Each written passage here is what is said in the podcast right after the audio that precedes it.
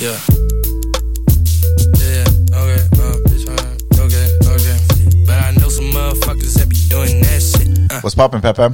Det är bra, Magnus. What's poppin' Peppe?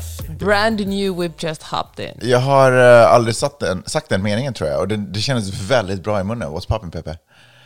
Um, brand, new, brand new whip säger du. Okej, citerar lite låttexter här. Äsch, Som sån är jag. vore- Sån är jag. Som om det vore en, en, en vilken lördag som helst. Nej, okej, ska vi sluta tramsa? Hur, hur mår du? Jag eh, Hur mår du mentalt? Ganska bra. Eller fan, det, alltså ja. Nej, vet du vad? Det är bara ett automatiskt svar det där att säga att jag mår ganska bra. Alltså, Wow, wow, wow, wow, wow. Alltså, det, det här är bara en artighetsfråga. Alltså, Okej, tänker, då- tänker du på riktigt börja droppa skit nu? Alltså, det här är bara ett intro där vi liksom lite sådär, hey what's going on, är ni redo för veckans podd? Okej, men bra. Okej, Hur mår du själv? jo tack, jag mår eh, bra. Nej men eh, då kör vi då. Okej.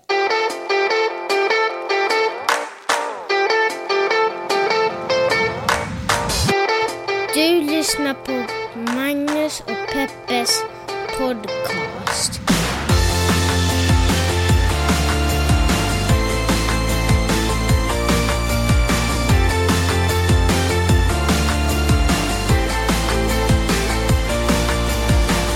What's up motherfuckers? Hjärtligt välkommen till podcasten som heter Magnus och Peppers podcast. En podcast där vi pratar om stora och små händelser och så gör vi det ur ett journalistiskt, informativt eh, och Peppers perspektiv.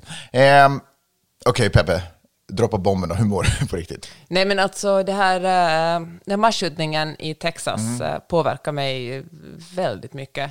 Såklart, för att jag är en människa ändå. Ja. Det är fruktansvärt. Det är så hemskt och jag känner hur hela mitt, eh, allt jag följer på sociala medier och i nyheter handlar bara om det. Och jag på något sätt rivs mellan att uh, både följa med allt, jag tycker det är min plikt att veta vad som händer, men också en så här ångest kring att det är för många fruktansvärda detaljer. Alltså jag kan inte ta in flera fruktansvärda detaljer om hur barn smöter in sig med andra barns blod för att den här massmördaren ska tro att de redan är döda och inte skjuta dem. Mm. Du, eh, det är ju, det var ju sinnessjukt att du, varför var du tvungen att säga det där i podden? Ska jag bära på det, ska ni bära på det? Du eh, skrev ju om det där i ditt nyhetsbrev, Mm. peppe.substack.com. Eh, fem dollar i månaden, verkligen värt fem dollar i månaden. Eh, du skrev om det, det var någon podd som hade pratat om det där också. Vad fick du ut av den podden? Ja, men, vilken ledande fråga. Alltså, jag tänkte faktiskt komma till det. Ja. Det var On the Media som är en jättebra podd, både om man är journalist och om man bara är intresserad av journalistik, utan att själv jobba som det. De pratade om att eh, de här masskjutningarna alltid följer samma mönster. Du menar rapporteringen om masskjutningarna? Ja. Och det är ofta så att journalister eh, gör som, man, är, man har liksom en, en bana som man är van att följa och så följer man den. Säkert också på grund av att journalisterna också är chockade. Man är bara så här gör man. Det här är liksom, this is the procedure. Men eh, i den här podden talar de om hur eh, vi borde bryta det här mönstret och givetvis rapportera vad som har hänt. Men också rapportera, rapportera om lösningar. För att när det blir för mörkt så kan folk inte hantera... Men tycker du inte att man gör det? Alltså, det finns ju rapporter om lösningar som att vi måste, alltså, om man ändrar vapenlagarna så löser man delar problemen. Om man investerar mer i psykisk ohälsa så löser man problemen. Om man låser bakdörrar i skolorna så löser man problemen. Alltså det finns ju de lösningsorienterade samtalen ja, också. inte att det inte finns det, Nej. men det är också ofta en väldigt, man upprepar också ofta samma lösningar. Man säger eh, gun control, som för övrigt någon sa att om man verkligen ska nå till personer som vill ha vapen så ska man tala om gun safety istället för gun control. Mm. Det är ofta, ofta så att vissa begrepp bara hänger med. Man talar så mycket om det att, att de gre- begreppen blir liksom eh, förlorar eh, egentligt innebörd för de som säger dem. Förstår du vad jag menar? När man säger någonting tillräckligt många gånger så slutar man tänka på vad man inte säger. Så kanske tala om gun safety istället för gun control här i USA. Det är jättebra. Och, ehm, och så sa de en jätteintressant sak, att eh, det är klart man ska rapportera jättemycket om... För man, för, förlåt, men får jag bara säga, man pratar ju om trafiksäkerhet, inte trafikkontroll också. Nej, precis. I och för sig finns det trafikkontroller också, men det är ju en annan sak. Ja. Men, Men eh, jag tänker att vi kan väl alla vara på samma sida om att säga att det är bra med gun safety. Mm. Medan folk kanske, speciellt i det här landet, kan få panik om att tala om gun control. Precis. Folk som tror att de är så himla fria om de får döda varandra. Hur som helst. Men Ja, det är ju inte så det är. Det är ju inte Nej. det argumentet de använder, utan det är ju en rädsla. Alltså det bottnar sig i en rädsla och, en, och ett så starkt behov att vi ville kunna, kunna och vilja försvara sig mot det farliga. Det är ju, Ja, där, det är därifrån men deras argument vad, kom, tror- argumentation kommer. Säkert delvis, men jag tror faktiskt också det handlar om att ingen myndighet ska bestämma över mig vad jag bestämmer mig för att ha hemma. Alltså jag tror att det handlar om att rädsla såklart, men det handlar också rent princip. Att många amerikaner tycker att jag bestämmer själv vilken sorts vapen jag vill Jo, ha jo, hemma. absolut. Men anledningen till att man vill ha ett vapen är ju inte för att man ska kunna gå ut och döda människor, utan Nej. det är ju för att man ska kunna försvara sig. För, ja, jag håller verkligen med om att inte för att man ska gå ut och döda människor, men jag tror också det försvara sig kanske ibland kommer på an, en andra plats. Jag tror att man bara vill ha ett vapen för att man får ha ett vapen för att man bor i USA. Alltså själva att det handlar om ens Jaha. ide, amerikanska identitet. Det. Att det ska inte komma någon myndighet och säga till mig vad jag får göra och inte får göra. Okej. Hur som helst. Men då talar vi om The Media-podden om hur vi borde tala om att allra flest människor dör av vapen. Man dör av vapen varje dag här. Det liksom dör, det, att att liksom dö av, på grund av skjutvapen är den vanligaste orsaken bland unga människor och barn. Det har gått för, förr var det trafikolyckor, men nu är det den vanligaste dödsorsaken. Men allra, allra flest människor dör av vapen Alltså, på kan grund det av självmord. stämma? Ja, alltså i, med sjukdomar och allting? Ja. Det kan stämma. Alltså, jag, det Ja, finns- det kan stämma. Om du, om du läser mitt nyhetsbrev Ja, men jag, läste, en- jag såg det nyhetsbrevet, men jag reagerade genast. Ja, men tryckte du på länken då? För Nej, jag, jag- jag klickade inte på länken. Nej. Mm. I alla fall. så borde man, flest människor dör av självmord. Alltså folk tar livet av sig själva, eller dör då Mm. Men det är fortfarande på grund av vapen, av liksom. Mm. självmord, psykisk ohälsa. Så, och en massa andra olyckor.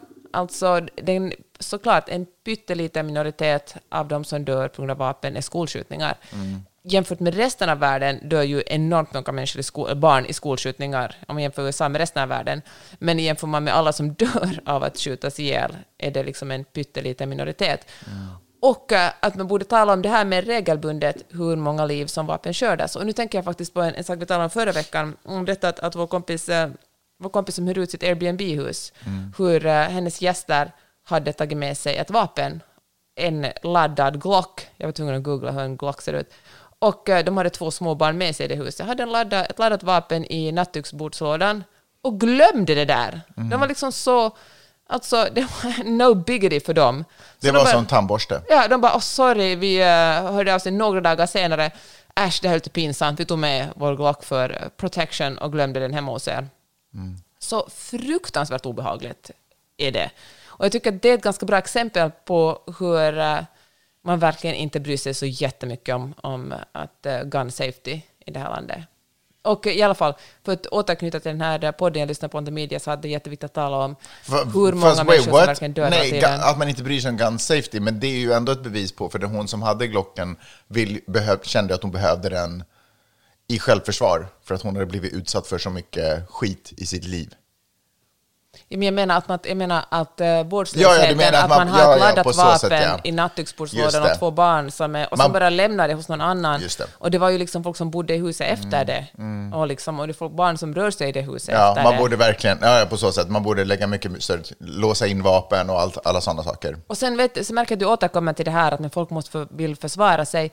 Men eh, alltså vapen är ingen bra grej att försvara Nej, sig. det är sant. och Nej, nej, alltså, nej. jag tycker inte det är på något sätt en förklaring. Det måste man på något sätt komma över det här missförståndet att ju fler vapen desto säkrare är man. Mm. För att det har bevisat sig vara väldigt osant.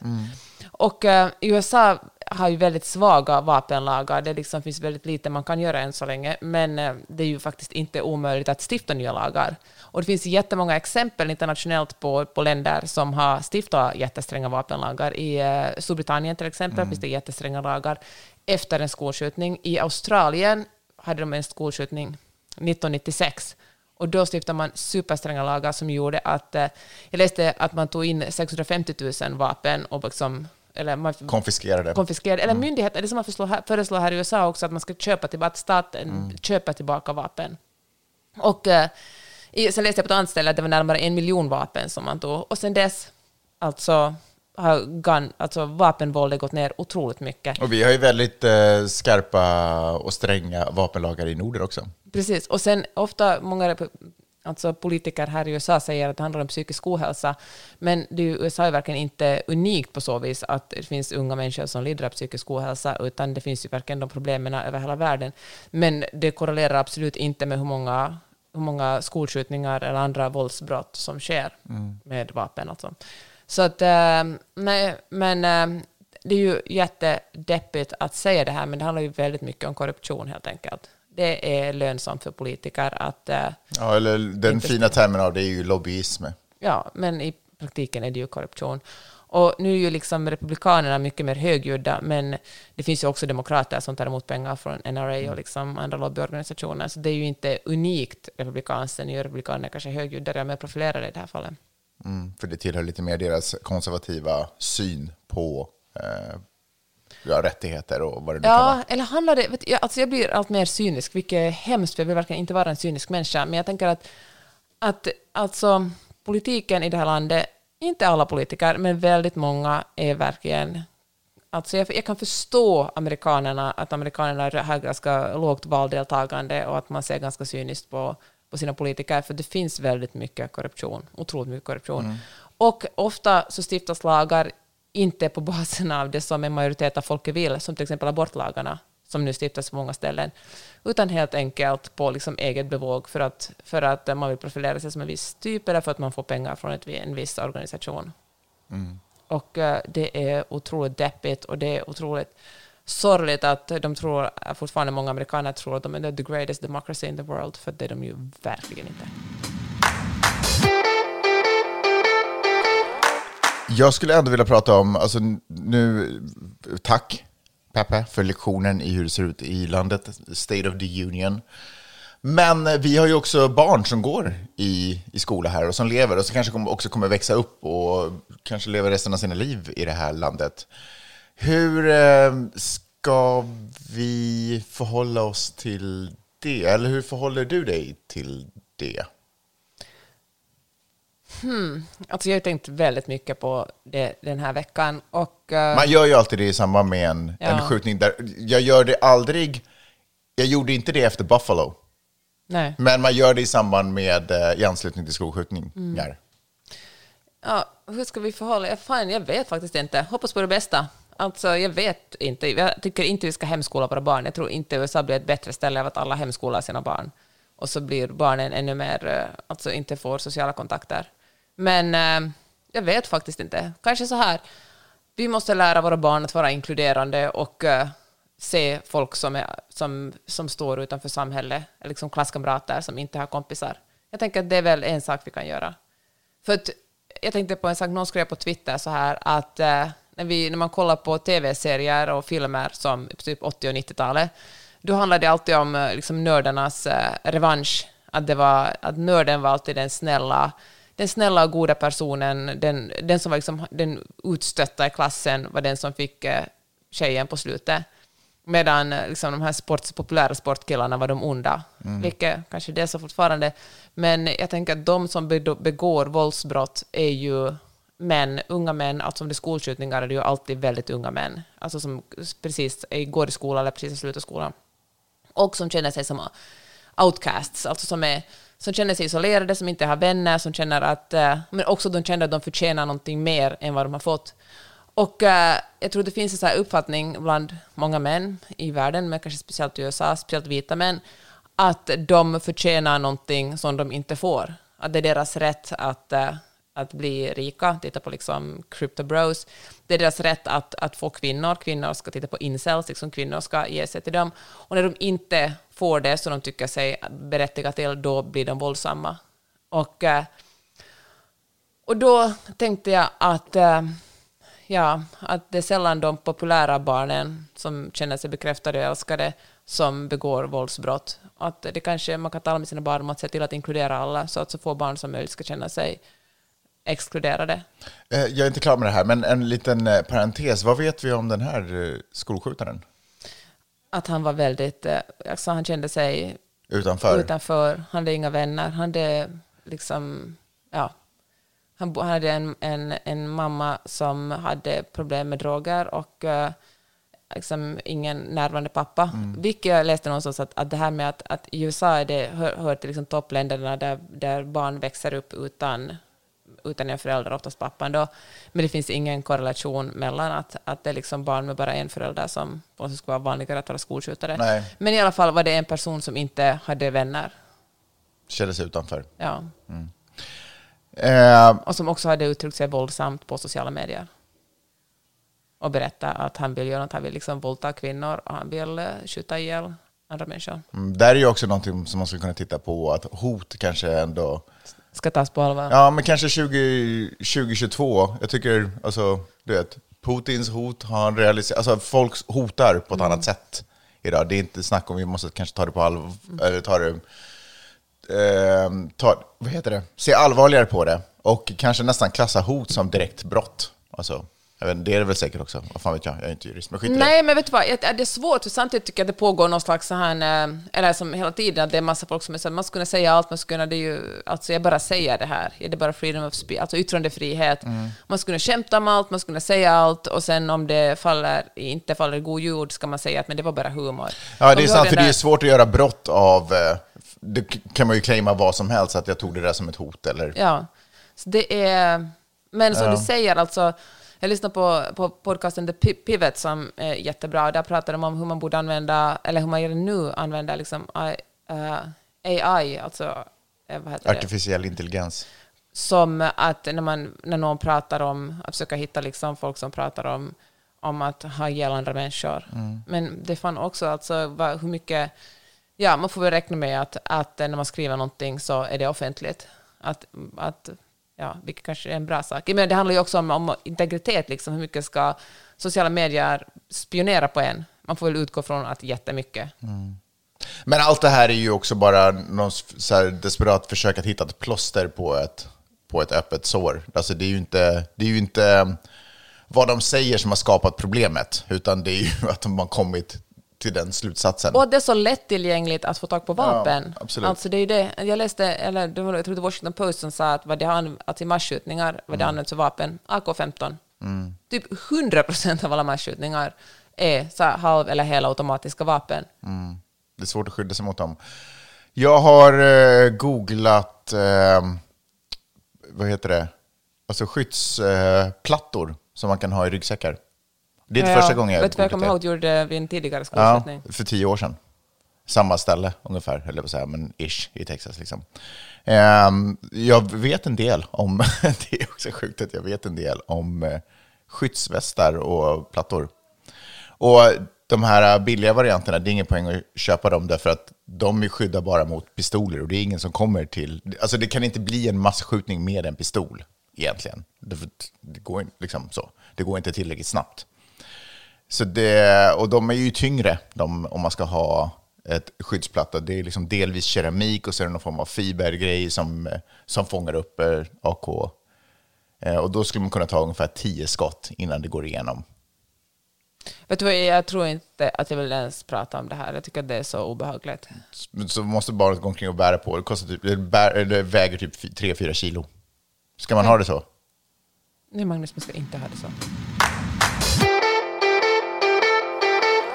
Får jag ändå, alltså det är ju mycket, vet du vad, jag har tänkt också på det här i relation till eh, abortlagar som stiftas i landet. Jag har tänkt på eh, kriget i Ukraina fortfarande pågår. Bara liksom, det är lätt att överväldigas av mörker. Men jag skulle vilja lyfta upp en liten positiv eh, nyhet. En liten positiv blipp på mörkrets karta.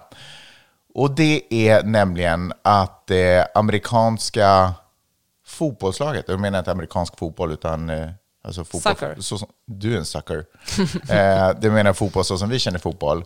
Att organisationen har bestämt att kvinnorna ska få, alltså kvinnorna får lika mycket som männen. Den stora potten delas på mitten och till män och till kvinnor. Så att alla får lika mycket om man vinner eller hur det nu går till. Liksom.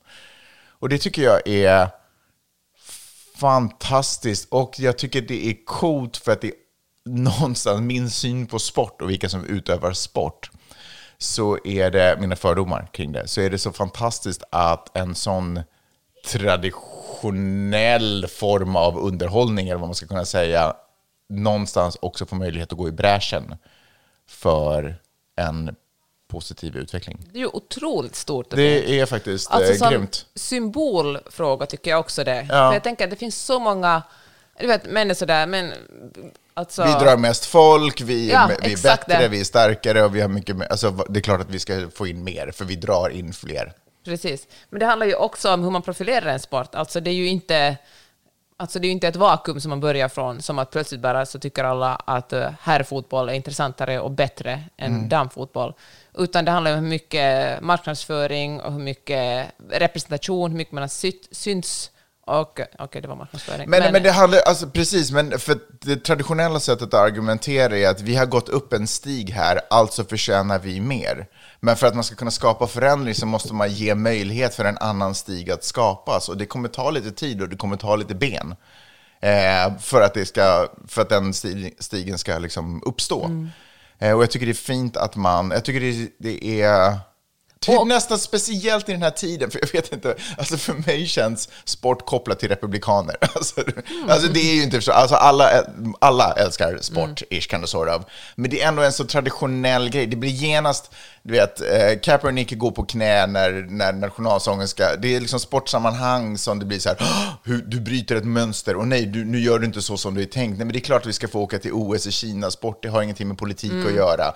Förstår du vad jag menar? Att det liksom är det, det, är en, det har länge varit en sån falang av underhållning som man inte rör och som man inte petar Verkligen. med och där ett traditionellt tänk s- får råda. Vet du vad, jag fastnade vid det där du sa om att, att, man, att männen på något sätt har gjort en stig. Men det är ju inte så att kvinnorna låg hemma och tittade på TV och petade sig i naveln, utan tvärtom handlar det ju om att kvinnorna har hållits tillbaka. Ja, precis. Eller liksom, jag menar, i andra områden handlar det om att personer av annan hudfärg har Mm. hållits tillbaka och liksom avsett att ni har tyvärr inte tillträde till det här, det här är en grej vi sysslar med. Mm. Så det fortfarande är på många håll i olika, på olika platser i samhället, där bara vita män har tillträde. Och sen använder man argumentet, men, eh, men det finns ju inga tillgängliga, det finns ju inga bra kvinnor som kan sitta i den här styrelsen, Mm. eller det finns ju och låtsas som om alla har börjat på samma plats Mm. när männen har ett enormt försprång. Och som du säger, det enda sättet är att göra ett, ett aktivt kliv framåt, ge dem, de som eh, ligger efter, ge dem en push för att Mm. göra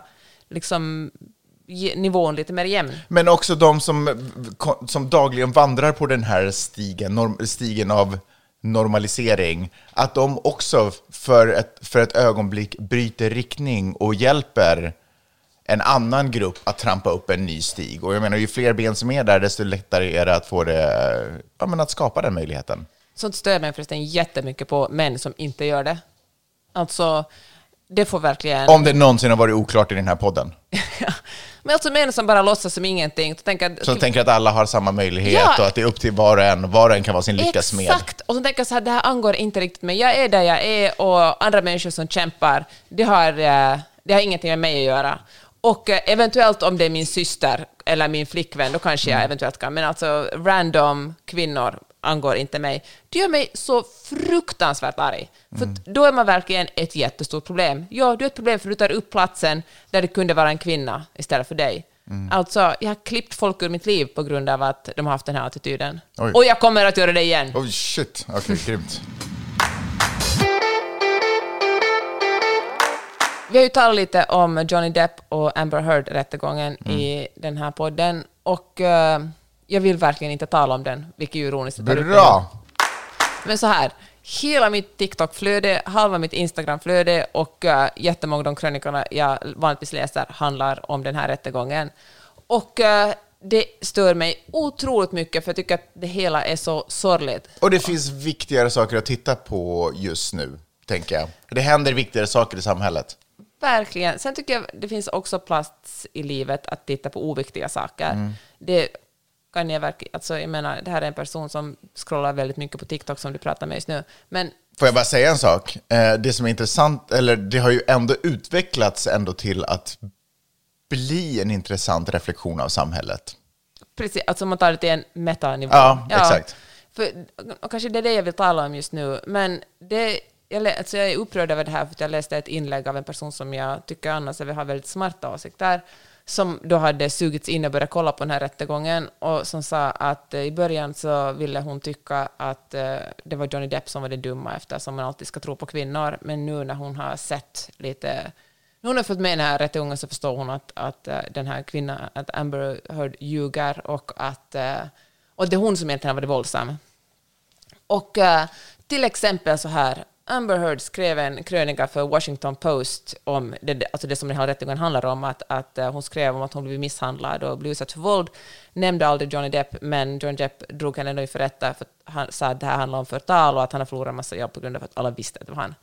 Och att den här krönikan publicerades exakt samma dag som hennes eh, film, vad hon nu var med i för film, kom ut. Så uppenbarligen handlar det bara om publicitet. Och eh, bara att säga, alltså den här, det här var verkligen världens minsta detalj, men bara en sån här sak, att man inte fattar att det inte är en skribent som bestämmer när en text publiceras. Alltså, det är inte så att Amber Heard har varit sådär till Washington Post att ni publicerar den här på den här dagen, utan det är Washington Post som bestämmer när de publicerar sina texter. Alltså, man skriver en text, sen men Ja, men tvivlaren kan ju ändå argumentera för att mm, det är ju ändå människor som bestämmer. Det är ju inte, da, det är inte lagstadgat system eh, där folk kan ställas till rätta för att inte ha publicerat det enligt Washington Times. Jag förstår vad jag menar? Att det kan ju vara... Post. Ja, Washington Post. Alltså att det kan ju vara en överenskommelse. Den kan ju vara inkluderad där. Ja, men, men okej, jag tänker inte Nej. basera hela fallet på det här, men jag tänkte bara att om man har så här lite kunskap om hur journalistik fungerar, Mm. så har man knappast jättemycket mer kunskap om man inte själv är advokat, hur ett rättssystem fungerar. Alltså jag menar bara, det kommer så otroligt många åsikter om vad som är, vad som, vem som är skyldig, vem som inte är skyldig, och allt är på något sätt underhållning samtidigt. Mm. Och det är på något sätt så fruktansvärt tragiskt. Det är liksom så, alltså det finns murals här i LA där någon har ritat Amber Heard med en så här Pinocchio-näsa för att hon, för att hon, de tycker att man, hon ljuger. Och det, är liksom, det finns en så otroligt mycket kvinnohat också i den här processen. Jag tänker att jag ska säga... Mm. Jag tycker att det är det som sätter ett ganska stort eh, eh, förstoringsglas över, just kvinnohatet. Hur hon blir behandlad som potentiell lögnare och hur han blir behandlad som potentiellt eh, kvinnomisshandlare. Ja, men precis. Men han, alltså allt han gör, allt han... Nu måste jag säga att det är kanske min... Eh, jag förstår inte varför jag får det, för algoritmen säger det här till mig, eller ser all, för jag fattar att alla andra inte ser det här, men jag har liksom inte sett en enda person försvara henne, eller vara sådär, nu såg hon gullig ut, nu såg hon... För, men, men Johnny Depps varenda ansiktsuttryck, när han flyttar en liten sladd, är man... Kolla vilken gentleman.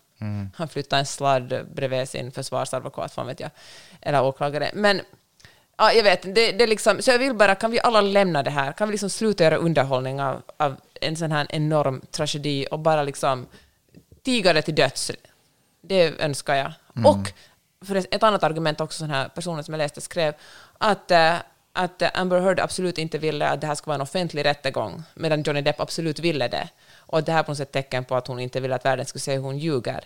Nej, orsaken kan jag tänka mig lika bra kunde vara så här att Amber Heard visste vilket kvinnohat hon skulle komma att utstå om hon ställdes mot en av världens mest populära och älskade skådespelare. Och det är fan i mig klart att hon inte ville vara med om det hon är med om nu. Det finns liksom inget det finns väldigt sällan, eller om inte någonsin, någonting att vinna på att anklaga en man för våldtäkt eller annan form av våld. Alltså som kvinna, ja, kan man liksom aldrig vinna det. Det är fan vad deppigt. Jag vet inte hur många år det har tagit, men nu är det klart för min del och på gränsen klart för din och Vidars del, nämligen att vi har fått green card. Ja, fy fasiken vad det är Vi skönt. har numera ett, eh, vad heter det på svenska, permanent uppehälle, Uppehåll. uppehåll. Permanent residency Ja. i USA. Vi bor här på heltid. Vi, vi blir väl typ skrivna här nu. Officiellt så bor vi inte längre i, i Norden. Eh, det har ju varit en eh, lång process. Vi har gått igenom eh, advoka- ja, så här, advokater som inte har kunnat leverera, advokater som har ghostat. Och så har vi hittat, och nu har vi egentligen liksom för ett tag sedan hittade någon som verkligen eh, sken och, och, och styrde upp allting för oss. Men jag tänkte ändå ta det från början. För som så mycket annat i vår familj så sker det på ditt initiativ. Varför kände du att green card var någonting som du vill ha? Jag har säkert ett eget svar på det, men var, varför kände du att du ville ha green card? Varför är det inte bara... För jag menar, uppehälle, vi får ju vara här och jobba för att, i egenskap av journalister. Eh, bara, Att journalistvisum är ju ett jättebra visum. det är ett fantastiskt visum. Fem år åt gången, green card är tio år åt gången. Eh, men varför kände du... Den, den stora skillnaden är ju att på ett, på ett visum, de flesta visum, nej förlåt, på ett journalistvisum så får du ju inte jobba för amerikanska dollar och för amerikanska företag och, och så. Så varför kände du att, och det, och det kan man förstås med green card, varför kände du att green card är någonting du vill ha? Alltså det är en jättebra fråga. Jag har liksom aldrig haft ett brinnande behov av att bli mer amerikan på något sätt. Vi började väl flirta med idén för kanske tre år sedan. Ja. Um, alltså jag tror att det var någonting så löjligt som att jag bara kände att det är dags att ta det till nästa nivå. Uppenbarligen stannar vi här och då kommer vi väl lika bra ha green card. Mm. Det fanns ju en period när eh, de flesta av våra kompisar var inne Eller handlar det om att förenkla resandet? Ja, men delvis det också. Det är helt enkelt... Det handlar inte så mycket om att tjäna dollar, utan det handlar om att kunna komma igenom tullen lätt. Ja, alltså Eller det låter ju töntigt, men ja, absolut. Och så kändes det också som en sån här grej, liksom, okej, challenge accepted. Mhm. Jag talade nämligen med en eh, kompis, det kanske var en överdrift att säga, men en person som... eh, En sa- bekant. en bekant som sa att eh, det är, vi kommer aldrig att få green card. Mm. Och eftersom jag är en liten människa så tänkte jag att... Ah, du, det var det som triggade det, så drog du med dig hela familjen på Ja, en, någon form av liten det. vendetta. Ja, men vet du, bevis om någon säger så där, det här kommer ni inte att fixa, så har jag inte bättre självförtroende än att fixa det. Mm. Så att, eh, ja men det känns bra, tycker jag. Det känns roligt. Alltså det känns inte så där, woho! Eller det känns lite, men... äh, Nej, men nu känns det, för mig känns det fantastiskt därför att det har varit en process som har på. Det är, det är något som har legat och puttrat i bakhuvudet hela tiden. Mm. Du har ju 100% dragit det tyngre lasset av det eftersom det är du som officiellt har ansökt om det och blivit beviljad. Eh, och vi andra glider mer som familjemedlemmar. Eh, så du har ju absolut, just när det kommer till att samla bevis för din egen förträfflighet, eh, så är det ju du som har stått för det största lasset. Men, men det har ju ändå legat och gnagt i bakhuvudet. Eh, vad händer nu? Hur går det nu? Vad ska man göra nu? Vad ska man samla på sig nu? Kommer det här räcka? Bla, bla, bla, bla, bla, bla liksom. Och sen hur länge tar det här Och hur lång egentligen? tid kommer det ta, speciellt i det slutskedet när vi också vill åka, till, liksom åka hem till Sverige och Finland. Eh, så under slutskedet av processen så får man ju inte lämna landet. Om man, in, eller, man du har lust att komma tillbaka. Nej, men egentligen så här, du får inte komma tillbaka in i landet. Egentligen så. Om man har lust att komma tillbaka, precis. Eh, det som också jag tycker har varit alltså, intressant är insikten om att folk inte vet vad de snackar om. Den, eh, den, det tror jag är liksom en av de största lärdomarna som vi har kommit med utifrån det här. Att folk som ger negativa råd eller kommer med negativa föruts eller spådomar, eller jag vet inte ens vad jag ska kalla det för. Eh, känns som, i vårt, eller i mitt fall, 95% av dem har haft fel, alltså vet inte vad de snackar om. Ja, men folk har varit så att åh, det kommer att vara så svårt för er, det kommer att vara så jobbigt och det kommer aldrig att gå. Men vet du vad, jag tänker att det är lite samma sak som när man är gravid eller ska ha småbarn. Då är folk som ligger några år före en i den processen. Det är bara de som har varit med om vidriga förlossningar eller inte sovit på tre år och fått barn som vill berätta sina historier för en och vara så här att jag vill att du ska vara förberedd på det här. Och sen eh, kan jag i och för sig förstå, alltså kanske det kommer från någon slags eh, lite, alltså vara beredd på att det också kan gå så här, men kanske det också handlar om att de har varit med om någonting superjobbigt och vill berätta det. Precis, men jag vill, precis, för jag vill ändå göra skillnad. Det är skillnad på människor, människor som delar med sig av egna erfarenheter. Och sen, men vi ska hoppas att det går bra för er.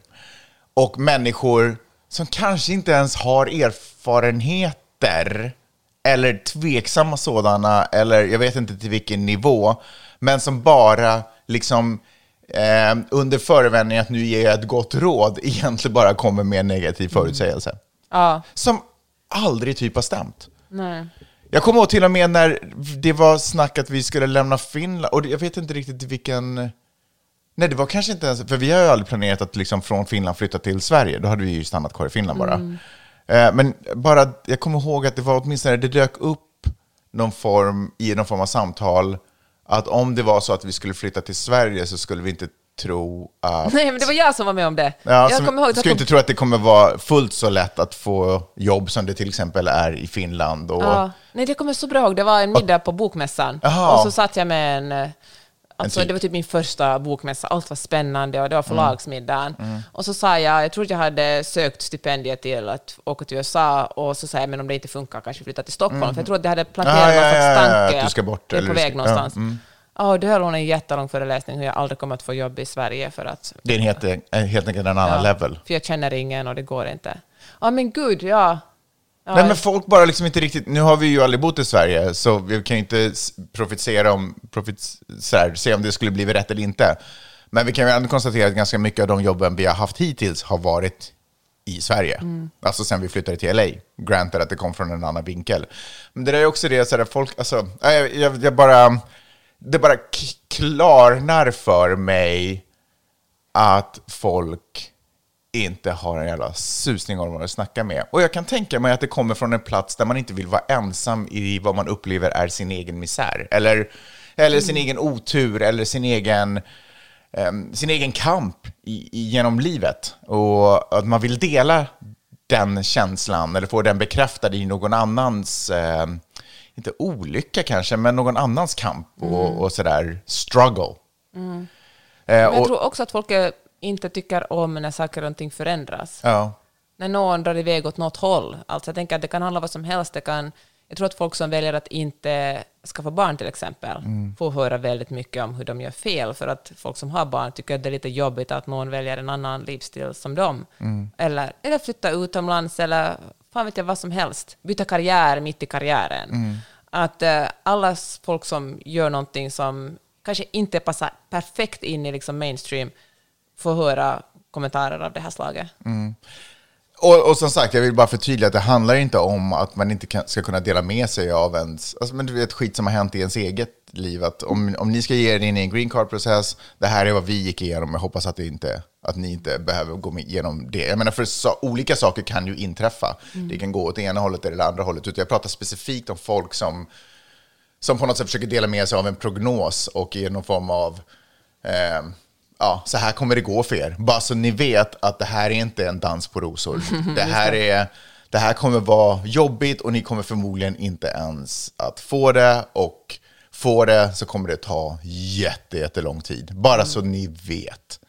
Eh, och de har 100%, jag sa 95 förut, men jag tänker lägga upp det till 100%. De har 100% haft fel hittills. Så därför tänkte jag att jag skulle säga så här till dig som eh, funderar på att kanske jag ska skaffa ett, flytta till USA och skaffa ett green card. Eller skaffa ett green card innan jag flyttar till USA. Eller kanske jag ska eh, flytta till Sverige och starta en karriär där om jag bor i Finland. Eller jag kanske bor på en mindre plats och ska flytta till en större plats. Och, eller jag kanske ska, vill, ska skaffa familj. Eh, eller någonting sånt. Så skulle jag vilja säga så här att eh, det, kan, eh, det kan gå lite hur som helst. Det kommer säkert gå bra, men det kan, man kan också ha otur och skit kan inträffa. Men jag kan säga så här, att om man inte satsar på det, då kommer 100% ingenting att förändras eller hända.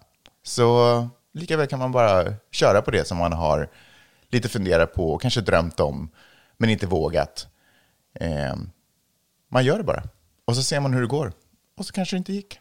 Då gör man någonting annat. Eller så gick det. Och då har man vunnit något. Och får jag säga en sak om det du sa i början av den här lilla slotten, att orsaken till att du har ett 100% green card är att ditt namn är rättstavat på. Ja. Medan vi där som mitt inte är. Så vi har ju green card, vi har bara inte korten. Mm, så är det. Magnus, det är inte bara det att du har fått green card, utan du är också mer LA på många andra sätt. Alltså, jag känner hur LA verkligen genomsyrar dig. Du, hur Vi- menar du då? Nej, men när vi är ute på en uh, hike häromdagen så vill du att vi sätter oss ner och manifesterar. och eh, Men vet du, vet du vad manifestera för mig är? Det är inte att sådär, nu ska, vi, eh, nu ska jag kasta ut någonting i universum och så ska någon, någon magisk entitet eller någonting magiskt där ute börja trolla fram grejer för mig. Utan manifestera för mig är att tydligt sätta upp mål och en riktning i livet. Så att jag säger det högt så att jag hör det själv, så att när det sen kommer tillbaka någon annanstans ifrån. För jag tänker slumpen gör att allting på något sätt kommer hända. All, alla, all lycka, inte i alla former, men lyck, saker som jag vill ha och saker som känns positiva och kul och, och som jag skulle förknippa med lycka kommer ske i mitt liv. Och likaså olycka. Eh, baserat från liksom, den plattformen jag står på. Liksom. Eh, och då tänker jag att om jag, om jag säger saker och ting högt så hör jag mig själv säga det. Och när jag hör det eka från någon annans mun eller någonting annat, vill du göra det här? Så har jag hört mig själv säga ja, jag vill göra det här. Och då kommer jag säga ja till den grejen spontant. Förstår du vad jag menar? Verkligen, du känner igen det när det kommer. Jag känner igen det när det kommer och det hjälper mig att hålla en riktning till vad jag vill göra. Så det handlar inte om att åh gud, ge mig allt det här och alla stjärnor eller något magiskt chi eh, kommer nu skicka vågor av det här åt mig. Utan nej, de här, allting kommer hända och jag kommer bara vara vaksam för på ett annat sätt när det händer. Så, så tänker ja, jag. gillar det. Så det är inte manifestering på det sättet som folk håller på att trolla runt det. Men igår fick du testa på reiki också första gången.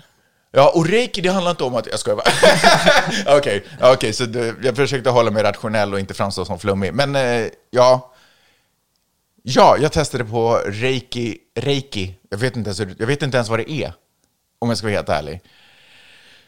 Um, men jag har, eller um, hon som är engagerad, eller hon som är reiki-lärare, eller jag vet inte ens den titeln, men uh, hon eh, tror på det här.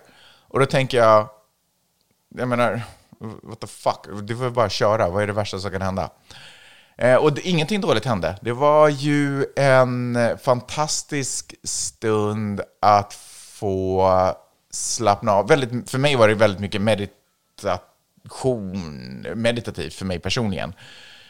Så det var en fantastisk stund att få slappna av och låta hjärnan, eller tankarna, göra sin egen grej samtidigt som jag försökte känna av vad olika delar av kroppen tuna in till olika delar av kroppen. Du vet sådär som man, jag menar, man gör ju det aldrig, men potentiellt så nu när du sitter så här, nu när du sitter och poddar med mig, eh, sitter på soffan, så skulle du ju kunna bara rikta tankarna åt vad din vänsterfot känner och vad den gör.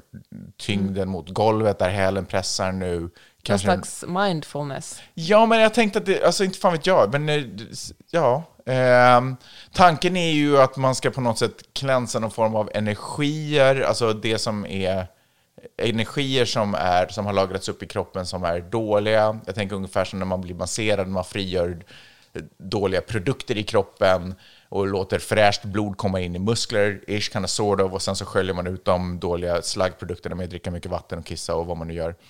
Jag tänker att, eller jag först, om jag förstått det hela rätt, så är det någon form av energimassage för kroppen, där man rensar ut dåliga energier som möjligen har lagrats och så fyller en reiki-mästare på med bra energier. Jag vet inte om jag är 100% där i den teorin, liksom, men... Eh, Men du kom ju med otroligt mycket bra energi. Gjorde jag det? Ja, men du, kom, du har ju alltid ganska bra energi, får man ändå ge dig. ja, men exakt. Nej, men jag känner verkligen att det var ett extra glow över din energi. Jag har ju fått väldigt mycket komplimanger generellt över mitt glow på senaste tiden. Eh, Jag är ju i, jag är i en exemplarisk fysisk form, får man ändå säga. Ja, men det är väl det hela LA pratar om. Nej, men så här. ehm, det var... Det var, det var kul. Det var spännande. Det är roligt att ehm, liksom testa nya ofarliga saker. Det är inte så att jag håller på och testar chack och heroin bara för att se vad det finns för upplevelser att få ut därifrån. Utan det är ändå ganska ofarlig och... eh, Jag var så nära att beställa hem svampar igår. Herregud, sluta larva Men så tänkte jag att jag ska ändå inte göra det förrän jag har mitt green card i handen. Eller för att du är en förståndig människa som är inte håller på... Ja, vi kan Alltså- tala om det här en annan gång och kanske inte på det då, men jag tror verkligen det alltså det är en jättestor skillnad mellan kokain och svampar. Okej, Dr. Seuss. Eh, Tack för den eh, vetenskap. Alltså du har baserat det på exakt 0% vetenskap och eh, research jag, och fakta. nej, verkligen inte. Anyway, så min reiki-upplevelse, det var, det, var, det, var en trevlig, det var en trevlig stund. Jag, jag, vet, jag kan typ rekommendera det. Jag vet inte. Jag tror att jag kan rekommendera det. Det var ingenting illa som kom ut av det. Jag tänker att olika människor har olika upplevelser av sådana såna stunder också, precis som alla upplevelser i livet, vare sig det handlar om att söka green card eller göra någonting annat, så har vi olika upplevelser av de grejerna. Och din upplevelse är inte nödvändigtvis min upplevelse. Och har du haft en positiv upplevelse så tycker jag att man kan försöka passa vidare en sån upplevelse till någon annan. Och har man haft en negativ upplevelse så då tänker jag att man kan redogöra för den negativa upplevelsen och kanske ge tips på hur du kan undvika en del av de misstagen som jag möjligen gjorde eller vad det nu kan vara. Eller bara flagga för att det här kan hända, men Godspeed och Under His Eye. Jag hoppas att det kommer gå bra. Gud vad obehaglig Handmaid's Tale. eh. Tittar för mycket på den serien. Eh, ja, skitsamma. Eh, Men, då har jag en fråga. den här världen är föränderlig. Det här mörkret som händer nu, förlåt, du ska få säga din fråga. Det här mörkret som händer nu, det är inte det är en, en, en naturlag. Det är inte ett faktum som alltid måste vara. Jag tänker att det går att ändra det. Och man kan vara en del av den förändringen själv också, tänker jag. Genom att vara positiv och öppen och inkluderande och, och så. Okej. Nej, men det var bra. Ja, det var jättebra. Nej, men seriöst, jag Jag tänker att m- vi ska absolut jobba för lagar och sådana saker, men vi ska också vara en, en positiv och öppen kraft själva i vardagen. Vi behöver inte bara vänta och gnälla på våra lokalpolitiker och bråka med dem och tvinga dem till förändring. Vi ska göra det också, men vi kan också vara en personlig förändring. Du är ju så otroligt LA nu på ett bra sätt. Alltså, så här talar ingen med mig i Finland. Och... eh, eller, och Nej, men där, får jag bara säga en sak? Eller avsluta din tanke. nej, men säg det då. Därför att vi i Norden har jobbat så länge för att skapa ett fantastiskt system som i sig går ut på att arbeta för att inkludera och ta hand om och hjälpa och rädda och lyfta upp de som är lägst ner därför att vi förstår att vi, bara vi är inte bättre än den lägsta nivån i vårt samhälle. Men det har också gjort att vi har skapat en känsla av att jag personligen inte behöver göra någonting därför att system, jag supportar redan ett system som ska göra det. Så den personliga initiativförmågan till positiv förändring har liksom lite domnat av.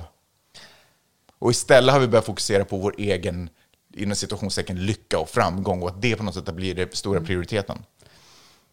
En kompis till oss som eh, bodde i LA förr och nu har flyttat hem till Sverige brukar säga så här att, att få green card det är mest en grej man gör för eh, sin bucket list. Och ganska dyrt och byråkratiskt bökigt, men nu är det gjort. Och, men sen flyttar man ju ändå hem. Och då tänker jag att... Eh, är du här nu? Alltså, du känner väl inte så att du kommer att flytta till Norden någon dag?